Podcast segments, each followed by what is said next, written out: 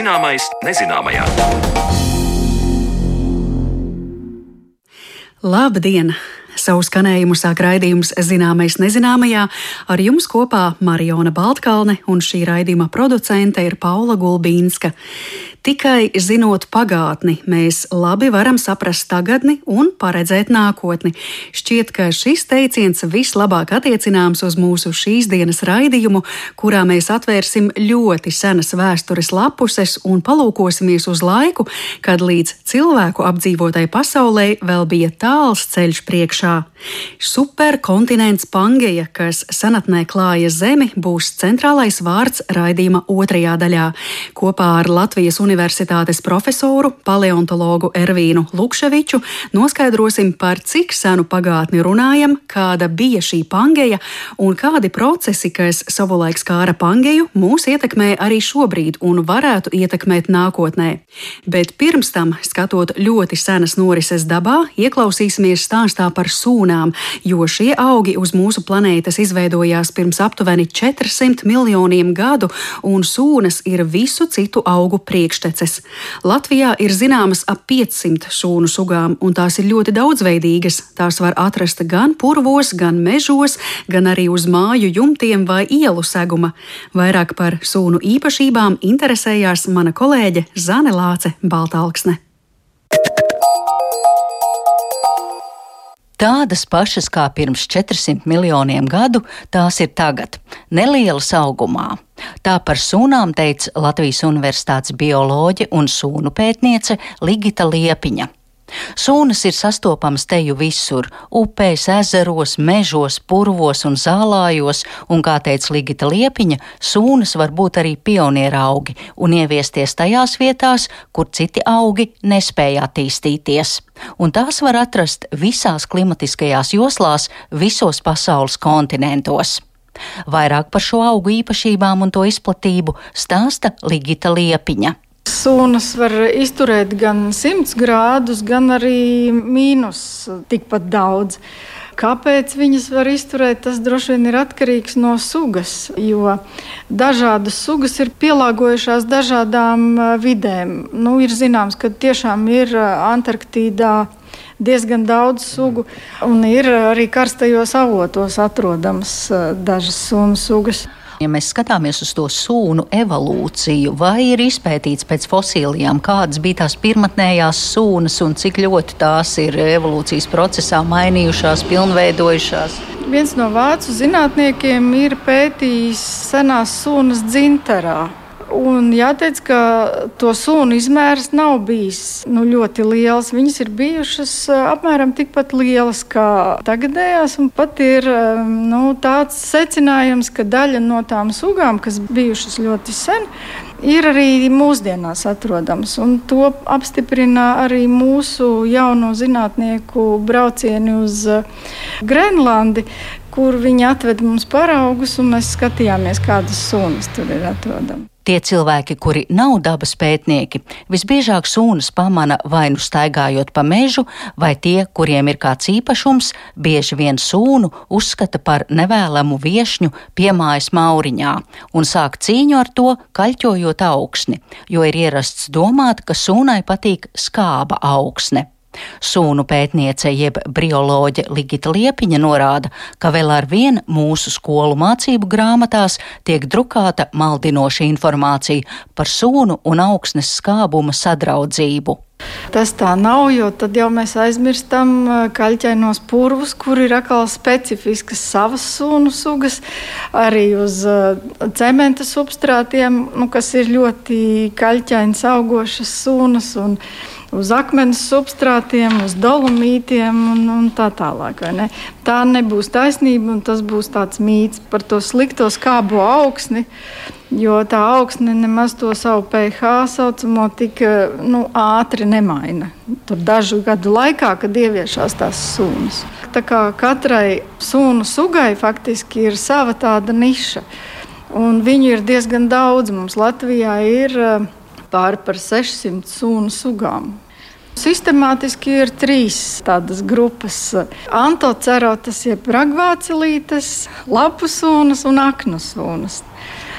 Un vai jūs varat tagad paskaidrot, ko nozīmē tās ragvācelītes? Ragvācelītes un daļa no aknu sūnām ir tādas, kuras veido lapoņus. Nu, mēs zinām, maršancijas.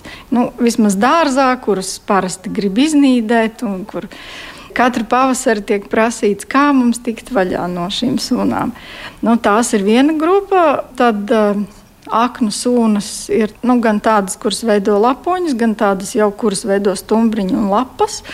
Un tad ir lapu sūnas, nu, kuras veido kaut ko līdzīgu stumbram un lapām. Prasīšu par nosaukumu aknu sūnas. Šis vārds aknu apzīmējums. Tas ir veidojies vēsturiski no tā, ka senāk izmantoja dažas eh, šīs sunu sugas aknu slimību ārstēšanai. Un tad nu, zinātniekiem ir eh, nu, radusies tā ideja, ka sauksim šīs par aknu sunām, jo viņas atgādina aknu un tāpēc. Sūnu vairošanās vai visas sūnas vairojas ar sporām? Nē, visas sunas nevairojas ar sporām. Sunas ir pielāgojušās vairoties arī ar dažādu veidu vairķermeņiem. Tās, kuras neveido sporas, jo sunas bieži vien ir divu māju augi. Tas nozīmē, ka vīrišķais var būt vienā kontinentā un sīvišķais otrā, un viņi nekāda nesatiekās, un šīs sporas nevar veidot. Bet bieži vien uh, veidojas šie varķermeņi. Viņi ir gar lapu malām, uh, viņi ir lapu padusītēs, viņi ir tādi viegli lūstoši dzinumu galos. Un tā doma ir tāda, ka viegli lūstošais varķermenis pieķersies mušai, varbūt kādam putnam pie kājām un izplatīs atkal tālāk nu, sunu, un tad atkal nobirs. Tas mazais varķermenītis var veidot ne saknes, bet rizoīdus un uh, augt nu, kā vesels augs.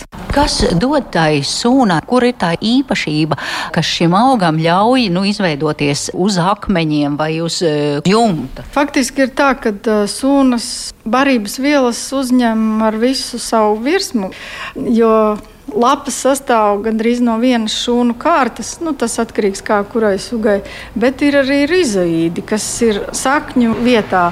Un arī šie rizoīdi palīdz uzņemt barības vielas. Un dažām uh, aknu sūnām palīgos nāk arī sēnes, augsnes sēnes, kuras uh, iespiežas rizoīdos, veidojas uh, simbioze, mikoriza, un arī šeit notiek šī barības vielu apmaiņa. Skatot sunu ceļvedi, kuru pirms vairākiem gadiem izdevāt jūs kopā ar kolēģiem, tur man šķiet, nu, varētu veselu sižetu veidot, saucot šos sunu vārdus, jo, nu, tik skaisti nosaukumi. Es saprotu, mēs šobrīd runājam par ģintīm. Ir kažocene, strupknābe, vācelīte, ūsaine, samtīte, lācīte, suņzobe, šķībvācelīte, pinkaine un ežlape.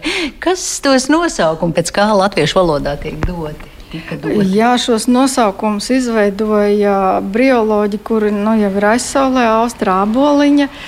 Un, nu, viņai bija tāda dzīsla dvēsele, tā varētu teikt. Un šie nosaukumi patiešām ir ļoti interesanti un tādi jauki. Un, nu, šobrīd mēs eh, Botāniķu biedrībā mēģinām eh, veidot jaunus nosaukumus, jo ir mainījušies sugu nosaukumi, un viņiem līdz ar to vajag latviskos. Darbs pie tā vēl turpinās. Es saprotu, ka, teiksim, lācīte, pinkaine vai kažocēne, tas ir nu, pēc to sūnu ārējā izskata. Jo nu, man šķiet, taustot ikvienu sūnu, mums šķiet tā, tāds paklājiņš. Jā, tad... jā nu, teiksim, kažocēnes. Viņas aug kokam ap stumbru, un viņas ir ļoti blīvas un izskatās tiešām kā nu, tāds blīvs, gaišs, zaļš kažoks. Nu, tad ir vēl tāda vāveraste, kura tad, kad ir sausa, tad tas augs veidojas tā kā tāda aste, tā kā vāveres aste. Tad, kad uh, uzlīst lietus, tad tās lapiņas uh, atverās, varētu teikt, un izskatās ļoti kupla tā astīte jau. Jāpiebilst, ka sūnas nav indīgas, bet dažas sūnu sugas ir alerģiskas. Kā stāsta Ligita Liepiņa, tad agrāk mežstrādnieki ar rokām novācot kokus, kuru stumbri bija apauguši ar konkrētu sūnu sugu, iedzīvojās niezē uz rokām, ko radīja sūnu sastāvā esošais terpēns, viela, kas ir sastopama vairāku augu ēteriskajās eļļās. Vēsturiski sūnas ir tikušas izmantotas māju un laivu būvniecībā, ar tām aizdrīvējot ciet dēļu starpas.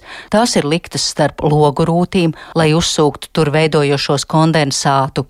Zinot, ka sūnām piemīt pretiekaisuma darbība un tās uzsūc mitrumu, sūnas ir tikušas izmantotas medicīniskajos pārsējos, no tām ir gatavotas ziepes, un šodien sūnas kalpo kā dizaina elements dārzu veidošanā un kā dekoratīvs materiāls. Un Ligita Liepiņa atgādina, ka šī gada sūna ir Wolfa sfagns, liela skaista sfagnu sūnu suga, kas aug mitros un purvainos, skuju koku un jauktu koku mežos. Un, ja jūs ejat dabā un pamanat šo vulfa sfagnu, tad esat laipni aicināti par to ziņot portālā dabasdati.lv.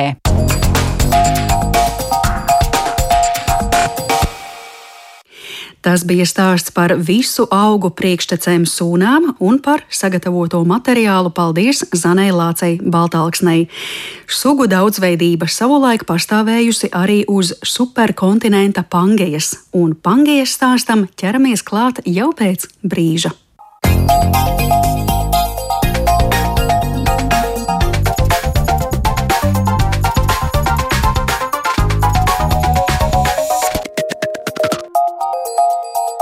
Zināmais nezināmajā.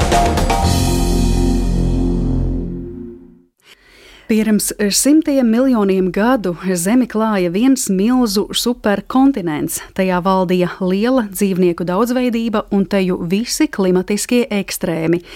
Kas bija Pangeja, ko par to zinām un kur glabājas liecības par šo seno Zemes vēstures posmu.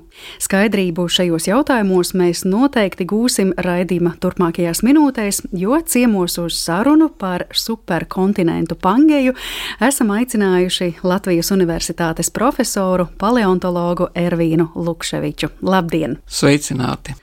Mēs geogrāfijas grāmatās vienmēr, kad lasām par Zemes vēsturi, mēs nevaram paslīdēt garām vārdam Pangeja, bet es gribētu sākt ar to, kad geologi, paleontologi vispār sāk runāt par tādu vārdu kā Pangeja, par senu kontinentu vārdā Pangeja.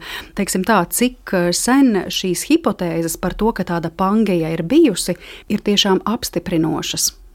Jāsāk ar to, ka par šo paleokontinentu, jeb dižu kontinentu, cilvēki izvirzīja hipotēzi jau pirms vairāk kā simts gadu. Un e, ir zināms pat vaininieks, jāsaka, tas ir vācu meteorologs un polārpētnieks, kas veica arī daudz ģeoloģisko pētījumu, un vairāk viņš pazīstams tieši kā ģeologs un tā saucamās kontinentu dreifa teorijas radītājs Alfrēds Wegeners kas ir jau tālākajā 1912. gadā publicējis vienu rakstu vācu valodā par pagātnē, senatnē eksistējošo diškontinentu, jeb dažkārt mēs devējam par superkontinentiem, un to viņš nosauca vienkārši par seno kontinentu, urkontinentu.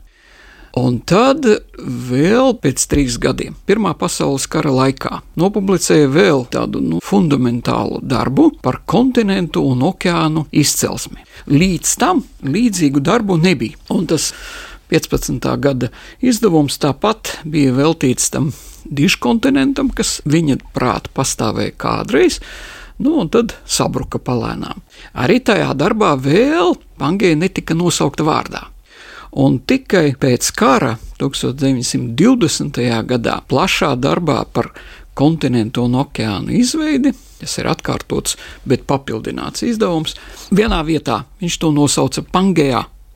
Vācu valodā nu, pan tulkojumā tas ir visaptverošs, nu, Panamerican Airlines, piemēram, mm. aptver visu Ameriku, un savukārt Gejā nu, tas ir vāciskots nosaukums zemē, mātei zemē. Ja to mēs pazīstam vairāk kā gaja vai geja. Dažādi izrunas veidi pastāv. Un tad šo ideju par seno kontinentu pārņēma citi pētnieki, un jau pēc pāris gadiem vācu valodas izdevumos figurēja Pangea, šoreiz latinizētā formā, no nu, apmēram tāpat kā dzīvnieku un augu sugu nosaukumi ir latinizēti, pat ja tie ir no vietējās kādas valodas. Un 26. gadā Amerikas geologi arī publicējuši vairākus rakstus, un tur jau plaši izmantoja šo nosaukumu Pangēja. Bet jāsaka, ka tikai sākoties dziļurpšanas programmai okeānos, atrada tiešos pierādījumus tam, patiešām kontinenti maina savu stāvokli, un okeāna gultnē mēs skaidri redzam liecības tam, ka tāds kontinents kādreiz pastāvēja. Nu, bet Veganers to nezināja. Mm. Bet kādas liecības viņš sameklēja? Jā, kas bija tas, ar ko viņš pierādīja, ka tāda pangija ir bijusi un kam cilvēki negribēja ticēt? Jā, e, jebkuram no klausītājiem es iesaku paņemt globusu. Bet ne karti, ar karti ir diezgan grūti manipulēt, bet globusā to ļoti labi var saskatīt. Un tagad atlīmēt Āfriku, bet nu, nevajag to tā burtiskā nozīmē, bet nu, virtuāli, ja? un pietuvināt Dienvidamerikai. Un mēs redzēsim, ka Gvinējas līcis ļoti labi sakrīt ar Dienvidamerikas austrumu krastu, tur, kur Amazone, tieši tur, kur Amazone, starp citu, būs pārklājums. Kāpēc? Tāpēc, ka Amazone izveidoja milzīgu deltu. Nu, un vēl Nigēras upe tāpat ja, būs pārklājumi. Bet citādi, it īpaši gar dziļumiem ap 200 līdz 500 metriem, ideāli sakrīt šie kontinenti. Un tā atliek vēl Ziemeļameriku pietuvot Āfrikai, un lūk, mums būs senais kontinents. Apmēram šādi acīm redzot, Alfrēds Vegeners arī nonāca pie sava slēdziena. Tā kā tādi puzles gabaliņi, kas ir sagriezti un izšķīdināti katrs uz savu pusi. Jā, tas nozīmē, ka kādreiz tiešām pastāvējis vienots kontinents, un tas ir sadalījies atsevišķos blokos. Tātad mums jau ir divas liecības. Minētie dati no okeāna gultnes urbumiem un izpētes, ja, paleomagnetiskie dati tagad eh, geogrāfiskās liecības, un jāsaka, ka līdz pat apmēram 1920. gadu beigām, 30. gadiem, daļa pētnieku piekrita Wegeneram un sāka vākt liecības - geoloģiskās un paleontoloģiskās. Un tādu ir ļoti daudz. Nu, piemēram, kāpēc Indijas fauna un flora ir tik līdzīga Āfrikas faunai un florai, bet nav tik līdzīga Ziemeļāzijas vai Eiropas faunai florai. Otrs jautājums - kāpēc Āfrikā un Dienvidamerikā Triasa nogulumos atrod pavisam nelielas ķirzakām līdzīgas būtnes, tas ir saldūdens rāpulis. Pārpeldēt 3,5 tūkstošu km platu okeānu? Nē, tas nav iespējams. Tāpat kā, nu, piemēram, mūsdienās līda, kad diez vai varētu mierīgi aizpeldēt pāri Atlantijas okeānam uz Ziemeļameriku. Noteikti nē, jo pielāgojās dzīvei saldūdens basēnos.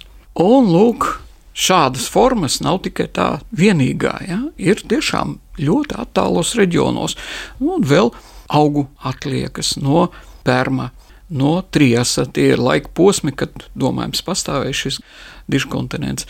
Ļoti līdzīgi dienvidu kontinentos, bet nekas līdzīgs nav ne Sibīrijā, ne Ziemeļamerikā, ne Eiropā. Tātad eh, pētnieki sāk pamanīt likumsakarības. Tieši tā, un eh, ar vien vairāk un vairāk pierādījumu bija gan geoloģiskās uzbūves ziņā līdzības, gan paleontoloģiskās liecības, kas ļāva pakāpeniski sākt pieņemt to, ka tiešām tāds kontinents pastāvējis, bet nevarēja izskaidrot mehānismus. Mm. Nu, tagad mehānismi ir mhm. skaidri zināmi, tā ir plātņu tektonika. Bet interesanti, ka Wegeneram sākumā negrib ticēt, lai gan viņš taču noteikti šo informāciju par plātņu tektoniku arī balstīja kādos citos agrākos avotos, ne jau viņš pats to konstatēja kaut kādā veidā. Nē, tas ir maldīgs priekšstats, jo tajos laikos nebija priekšstata par tektoniskajām plātnēm, kuras augšējo daļu veido cietā garoza, un tad pakāpeniski pie garozas vēl tā mantijas daļa, kas arī cieta. Un tā pārvietojas pa tā saucamo astenosfēru. Kopumā litosfēras robežas ir ļoti grūti definējamas. Dažādās vietās dažādi dziļumi, bet katrā ziņā litosfēras plātnes uzbūvētas savādāk nekā uzskatīja Vegenera laikos. Vegenera laikos bija pavisam citi priekšstati. Uzskatīja, ka kontinentus veido viena veida garoza, okeānus varbūt kaut kāda cita, bet tajā laikā kad Wegeners izvirzīja savu hipotēzi, ģeologi sāk domāt, nu, paga, nu, paga, nu kā tas var būt? Kontinents slīd pa okeānisko garozu. Ciets priekšmets, ļoti smags, pa ļoti cietu virsmu. Nē, tas neiet krastā. Tas nevar būt.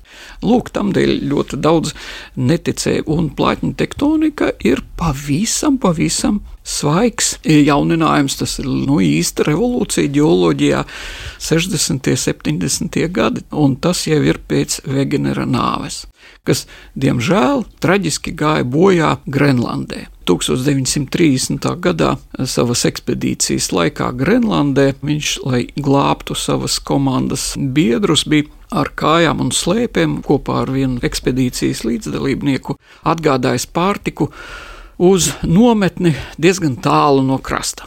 Un tad konstatēja, ka pārtikas nepietiks visiem, un viņi divi tā devās uz citu nometni, kur pa ceļam sirds acīm redzot neizturēja, viņš gāja bojā. Viņam ļoti cieņpilnu godu nodevis viņa ceļa biedrs, uzcēlis tādu nelielu monumentu un pazuda. Domājams, ka tagad viņa ceļa biedrs visdrīzāk kaut kur Grenlandes ledājos, vismaz 100 metru biezas kārtas, bet Veganeru atrada mm. un uzcēla viņam mauzoleju tur mantojumu viņš ir atstājis. Es tikai mēģinu iztēloties, kā iespējams viņš darīja to, ko jūs pirms mirkļa minējāt. Paņēma globusu, atlīmēja Āfriku, lipināja klāt Amerikai, Dienvidamerikai un tādā veidā ieguva šīs zināšanas, ka kaut kur kaut kādas līdzības ir meklējamas. Ja? Jā, tieši tā, jo kas pirmais ienāca prātā, ja, tas pirmais kritērijs, ka robežas, kontinentu robežas ļoti labi sakrīt. Otrkārt, tad parādījās jau tie paleontoloģiskie un geoloģiskie pierādījumi, un treškārt savukārt jūras gultnes uzbūve.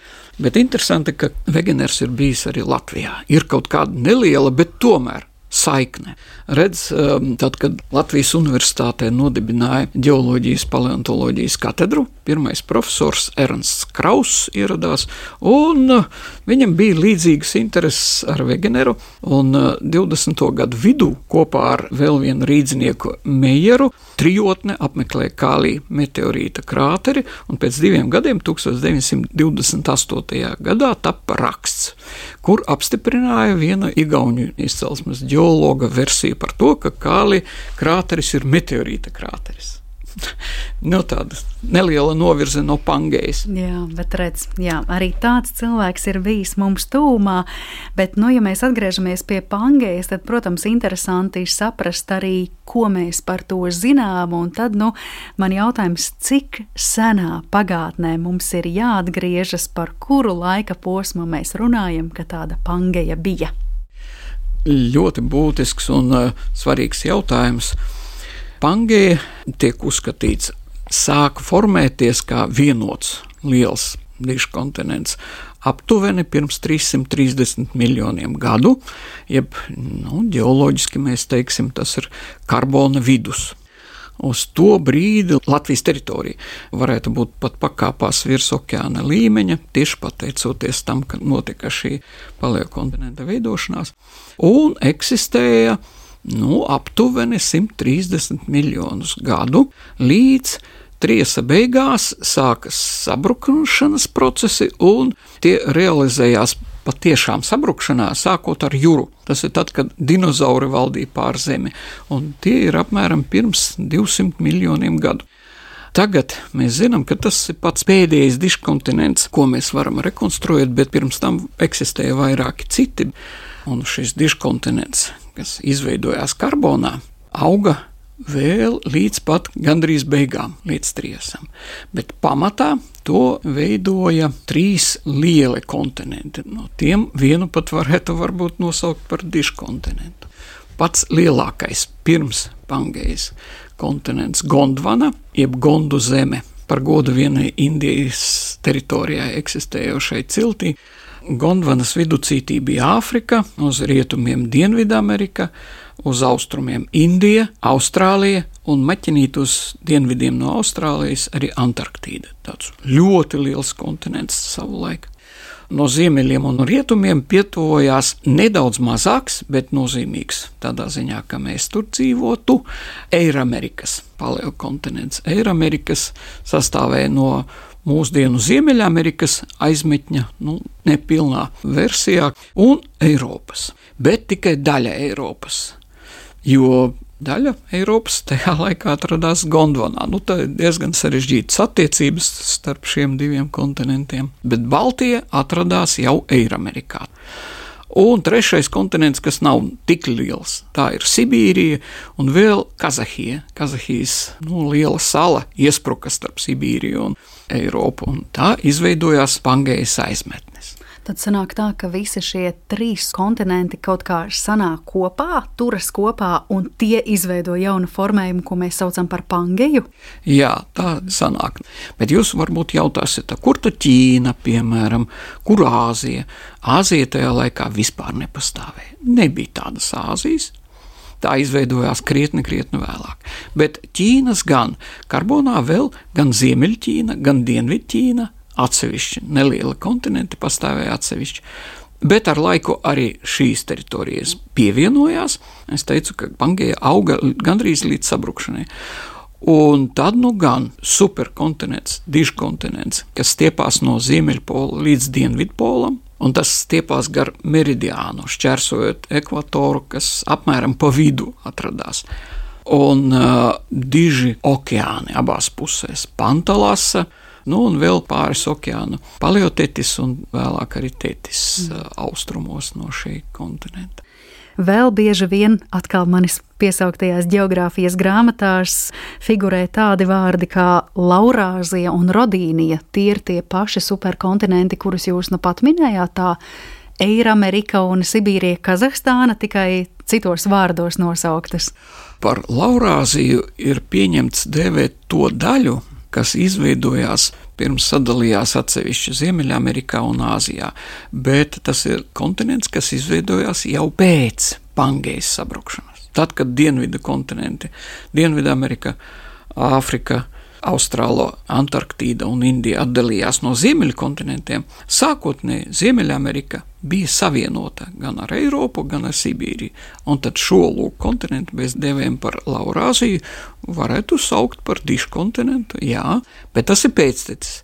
Savukārt jūs pieminētā Rodīnija uzskata, ka šis kontinents pastāvēja apmēram pirms pusotra miljarda gadu. Tas ir ārkārtīgi sen, salīdzinot ar Pangeju. Un uh, ar Pangeju tikai tā saistība, ka tie abi ir diškontinenti, bet konfigurācija, bloki, kas veidoja šos kontinentus, kardināli atšķirīgi. Tā tad ir lieli kontinenti, diškontinenti vai superkontinenti Pirms Pangejas vairāki lieli kontinenti sanāk kopā un izveido Pangeju, un tad, kad Pangeja beidz savu dzīvi, tad tā sadalās, bet mums joprojām ir lieli kontinenti. Sanāk tā, vai ne? Jā, ar laiku kontinentālās garozes apjoms tikai pieaug, un nu, ģeoloģiskās attīstības pati loģika ir tāda, ka okeāna platība ar laiku ar vien samazinās un samazinās, kontinentu platība ar laiku pieaug. Un iespējams, ka tālā, tālā nākotnē, tad, kad zemes dzīvēs vairs nebūs tik daudz enerģijas un siltuma, kā tas ir tagad, vai kā tas ir bijis, nu, piemēram, Arhajā pirms 3,5 miljardiem gadu. Kopš tā laika, piemēram, radioaktīvo elementu sabrukšanas rezultātā radusies siltuma plūsma, 3,5 miljardu gadu laikā samazinājās astoņas reizes. Nu, skaidra lieta, ka līdz ar to arī kontinentālais drefs, jeb labāk būtu teikt, tektonisko plātņu kustība arvien samazinās, samazinās, intensitāte samazinās, un ar laiku varētu būt Zemi piemeklēs tāds pats liktenis kā Marsu. Uz Marsa tektoniskie procesi aprima jau iespējams tad, kad uz Zemes valdīja arhais. Tas ir pirms 3-3,5 miljardiem gadu. Ja tur Mars ir mazāks, enerģijas mazāk, Marsa dzīves ir vēsākas, tektoniskie procesi praktiski apstājušies, nekādi jauni kontinenti neveidojas, okeāni sen, sen, sen vairs nepastāv. Ļoti tālā nākotnē iespējams tas pats gaida Zemi. Bet Tas notiks pēc simtiem miljonu gadu. Bet um, Pangejas gadījumā šie trīs kontinenti, kas tad sanāca kopā un veidoja to, tad tie sanākot kopā, tur vairs tā tektonisko plātņu kustība nav vairs tik izteikti vērojama. Ja, ja bija iespējams tādai lielai zemes masai, nu, caurmērā turēties kopā, tā kā tiešām lielam zemes blāķim. Nu, tā tas darbojas, redz, tektoniskās litosfēras plātnes saduras un nobremzējas. Mm. Rezultāts ir tas, ka nedaudz gar robežu tiek rokoti ieži, ļoti liels spiediens attīstās un temperatūra, bet vairs nevar veidoties jaunā kontinentālā garoza, bet tā tiek sakrokota un paceļas kalni. Un process apstājas. Nu, līdzīgi arī Indijas mikrokontinents reiz pirms apmēram 25 miljoniem gadu kā sadūrās ar Āziju, tā pacēlās Himalaju kalni, un tagad turpmākā Indijas kustība uz ziemeļiem stipri apgrūtināta. Nu, šādi tad tur notiek zemestrīces, un arī postošas, tā kā Nepāles zemestrīce, bet kopumā kustība ir apstājusies, un gandrīz apstājusies. Nu, un, um, rezultāts ir tāds: izveidojās ļoti liels kontinents. Kā jūs domājat, siltuma plūsma no Zemes apstājusies? Nu, nē, dabīgi nē.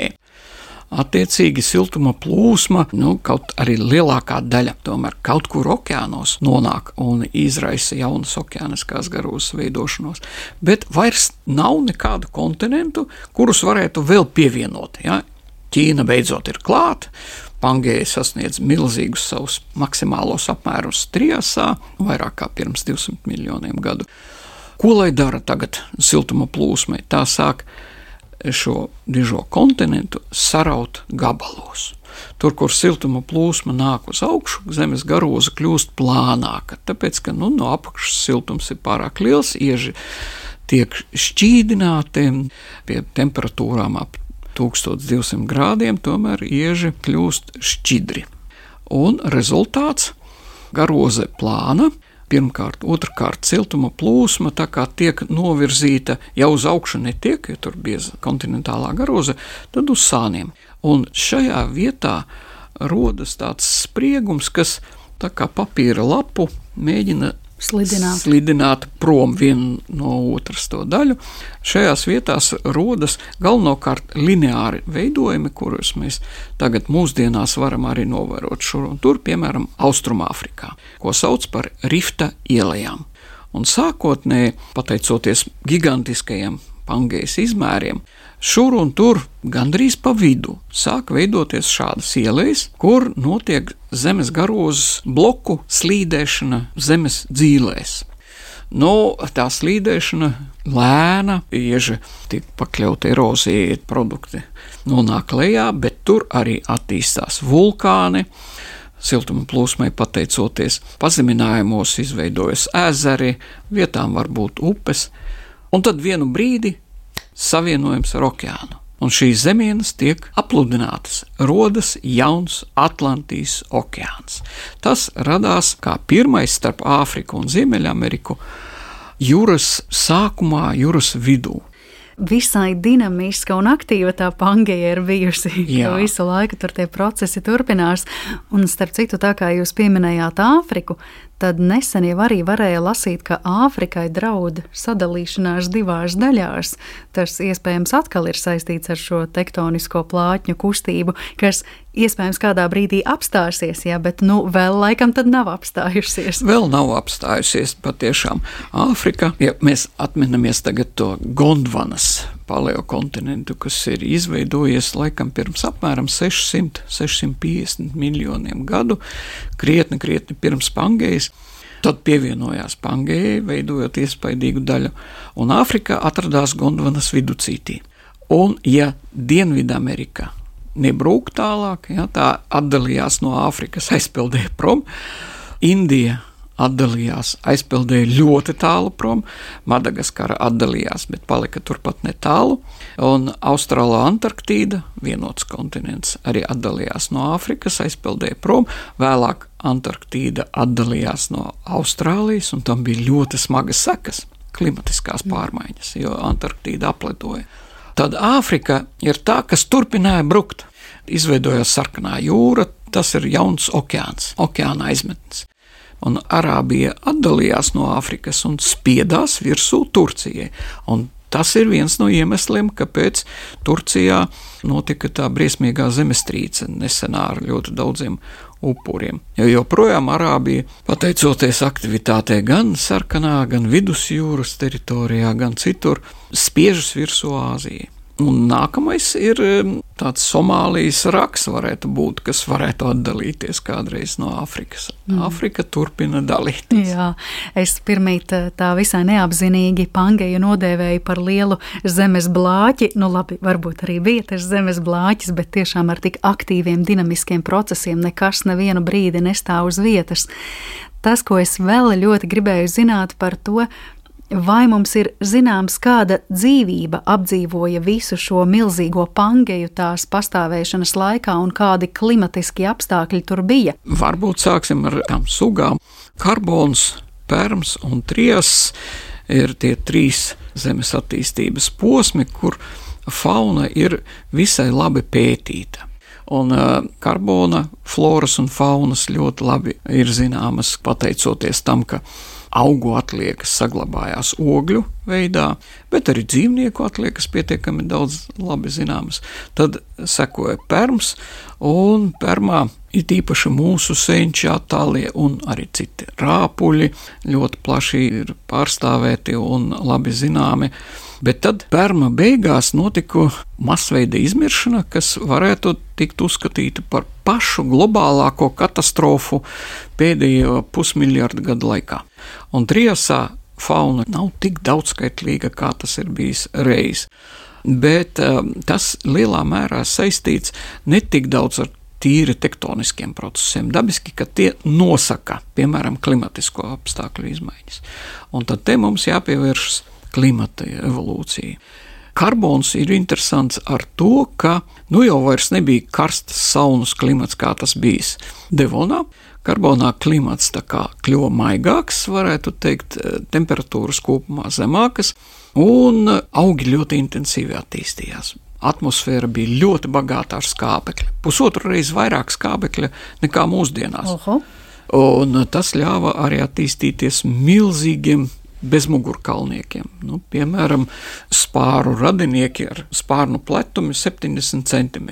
Un tas ir tā, kā jūs tagad rādat savu plecu platumu. Tas ir, un tāda ir spāre, jā, platāk. Jā. jā, vai arī skolopendrē vai tūkstotkājiem līdzīgs aneuroplēra, vairāk kā 2,5 metri garumā, tas krietni lielāks par cilvēku tāds indīgs, varētu būt daudz kājas un augsti koki. Lielas papardes, kosas, man liekas, tas arī grāmatās parasti ir. Pieminēts. Parasti piemin, jā, vēl arī staipekņi 30 jā. metru augstumā un citi.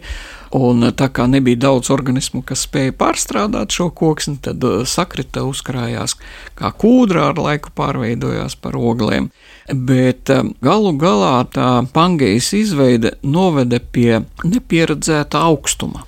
Jo redz, Uz brīdi Pangēja uzvirzījās dienvidu polam, un dienvidu teritorija sāka apledot. Uzkrita sniegs, kas ziemā uzkrājās, vasarā nepaspēja izkust, un rezultāts - Dienvidāfrika, Dienvidamerika, Indija. Austrāla Antarktīdu klāja ledāji. Tā ir tā Kaut, Gondvāna vai ne? Gondvānas teritorija zem ledus. Kaut kas briesmīgs. Ļoti daudz tropiskie meži tādēļ atkāpās ļoti maz palika šādu tropisko mežu, un vēl problēmu padziļināja tas, ka Pangejas viducītis tuvu ekvatoram pārāk liels, pārāk plats. Dominējošie vēji nespēja aiznest tā kontinenta vidu mitrumu, un tad sākas arī tūkstnešošanās, ja tā var teikt. Ja? Un, Nu, bet ar laiku tie paši tektoniskie procesi noveda pie tā, ka šī teritorija, bijusī Gondvana, Pangē, nokāpa no pola, ledā izkusa. Meži varētu atjaunoties, bet nekā nebija. Tomēr to aizņemto teritoriju bija pārāk maz. Tagad vairs augi nespēja tik daudz sagādāt skābekļa, bet arī nepatērēja daudz ogļskābās gāzes. Turklāt sauszemē sākās masveida vulkānu izvirdumi, kas tad, kad Pangēja vēl veidojās, daudz vulkānu izvirda ūdenī, un rezultātā ogliskābā gāze nonāk ūdenī, izšķīst, veidojas kaļķekmeņa, piemēram, vietām. Organismi izmanto šo vielu, bet savukārt jau permā sāk veidoties bazalte sauszemē. Nu, piemēram, tā saucamie viļņojas bazalti Sibīrijā. Tur teritorijas ir grandiozas, iet runa par miljoniem kvadrātkilometru un bazalta sagas biezas. Iedomājieties, cik daudz ogliskābās gāzes nonāca atmosfērā. Rezultāts - temperatūras sāk celties. Tropiskie meži, nu jā, tiem bija iespējas vēl kaut kur netālu no poliem varbūt eksistēt, bet uh, tropiskie meži faktiski izmira permā. Un kas vēl bēdīgāk, pateicoties tam, ka tūkstoša aizņemtā teritorija vēl kļuva lielāka un lielāka, temperatūra arī okeānos pacēlās. Un tas ir ļoti bīstami, jo okeāna lielā mērā regulē visas zemes temperatūru. Bet okeānos sākās aļģu izmiršana, to vietā stājās baktērijas, kas izdala diezgan daudz metāna.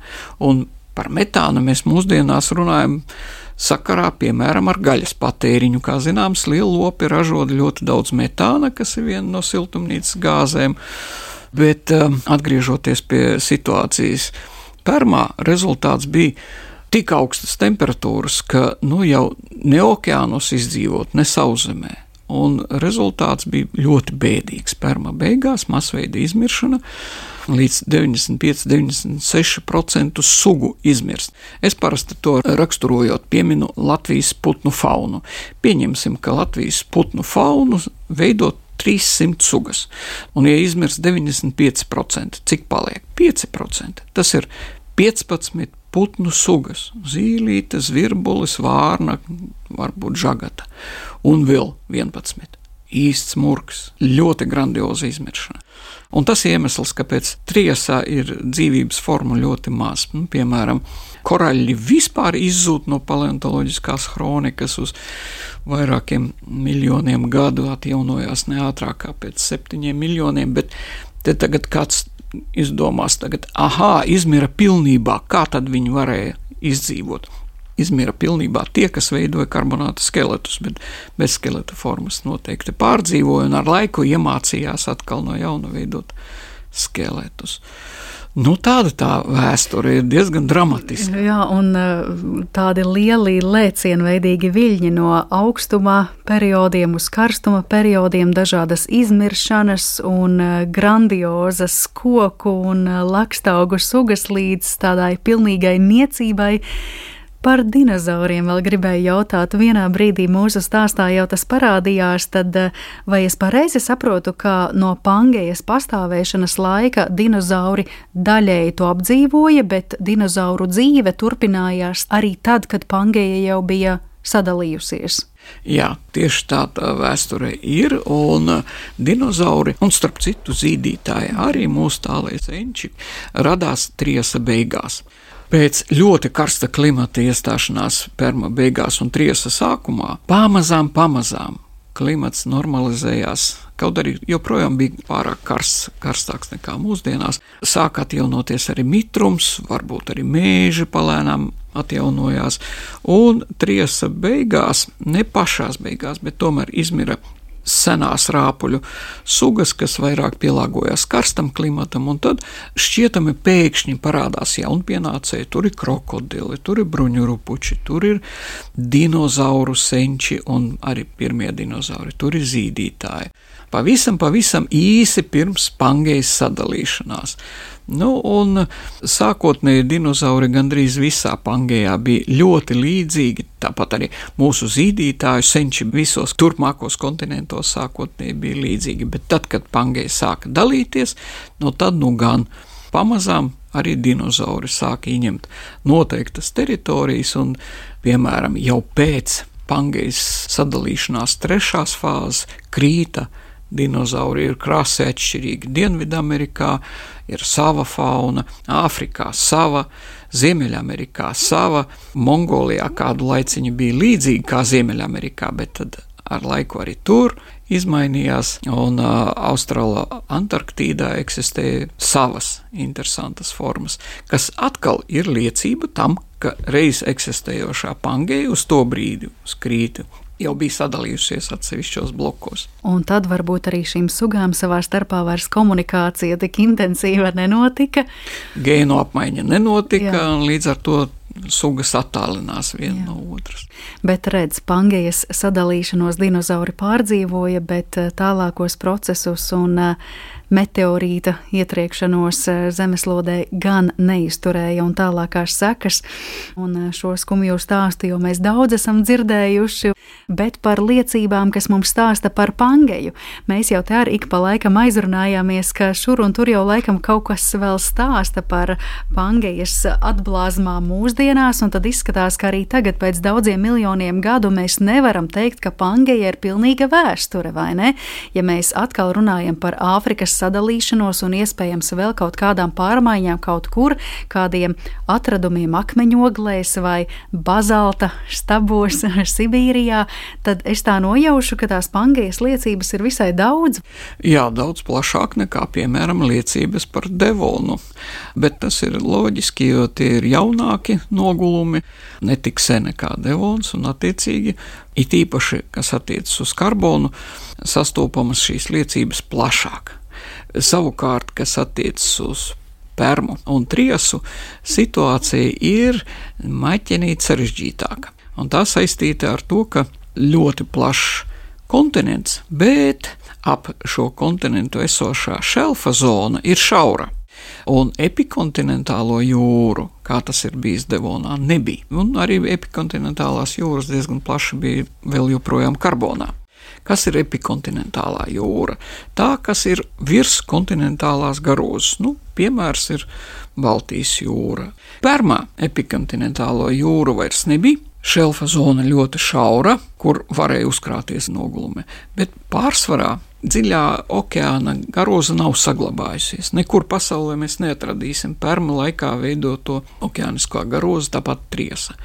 Līdz ar to par okeānos eksistējošo dzīvību mēs neko daudz nezinām. Un tagad sanāk tāda paradoxāla situācija. Varētu būt, ka daudzveidība bija ļoti liela, bet mēs ļoti maz ko zinām.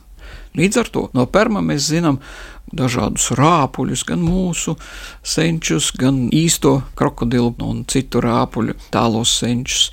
Varam atrast, eh, ieskaitot putnus. Augu atliekas labi zināmas, bet jūras faunas paliekas ir tikai šur un tur. Nu, piemēram, par senajiem rifiem var atrast liecības Timoras salā.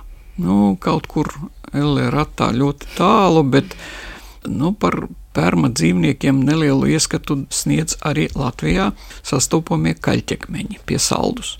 Bet tas ir drīzāk izņēmums. Galvenokārt pazīstam sauszemes faunu un floru. Līdz ar to mums tāds vienpusīgs ieskats tālajā pagātnē. Un ar triesu ir līdzīgi. Nu, jebkurā gadījumā Lietiskie pierādījumi ir saglabājušies gan nedzīvajā dabā, tātad šajos iežos, gan arī dzīvajā dabā mūsu rāpuļu, putnu pēctečos, un tas tikai vēlreiz un vēlreiz parāda, ka pat ja mēs runājam par ļoti lielu un ļoti tālu superkontinentu pirms tik daudziem miljoniem gadu, mēs joprojām šo saikni nezaudējam, un tāpēc par to ir arī svarīgi runāt tagad, jo agri vai vēlu tās izmaiņas mēs atkal jutīsim. Vai nu kādā plātņu kustībā, vai plātņu kustības pārtraukumā. Bet līdz tam mums vēl ir laiks. Un eh, tāpēc es saku lielu paldies jums, ka šodien eh, iezīmējāt šo seno vēstures stāstu, vienlaikus sasaistot to ar tagadni. Un es atgādināšu klausītājiem, ka pie mums studijā viesojās Latvijas Universitātes profesors paleontologs Ervīns Lukševičs. Un ar to arī mūsu šīs dienas raidījums izskan. Par to parūpējās Paula Gulbīnska, Ancis Pavasaris, Nora Mitspapa un pie mikrofona bija Mariona Baltkalne. Paldies, ka jūs pievienojāties šajā senajā vēstures stāstā un uz sadzirdēšanos atkal citu reizi.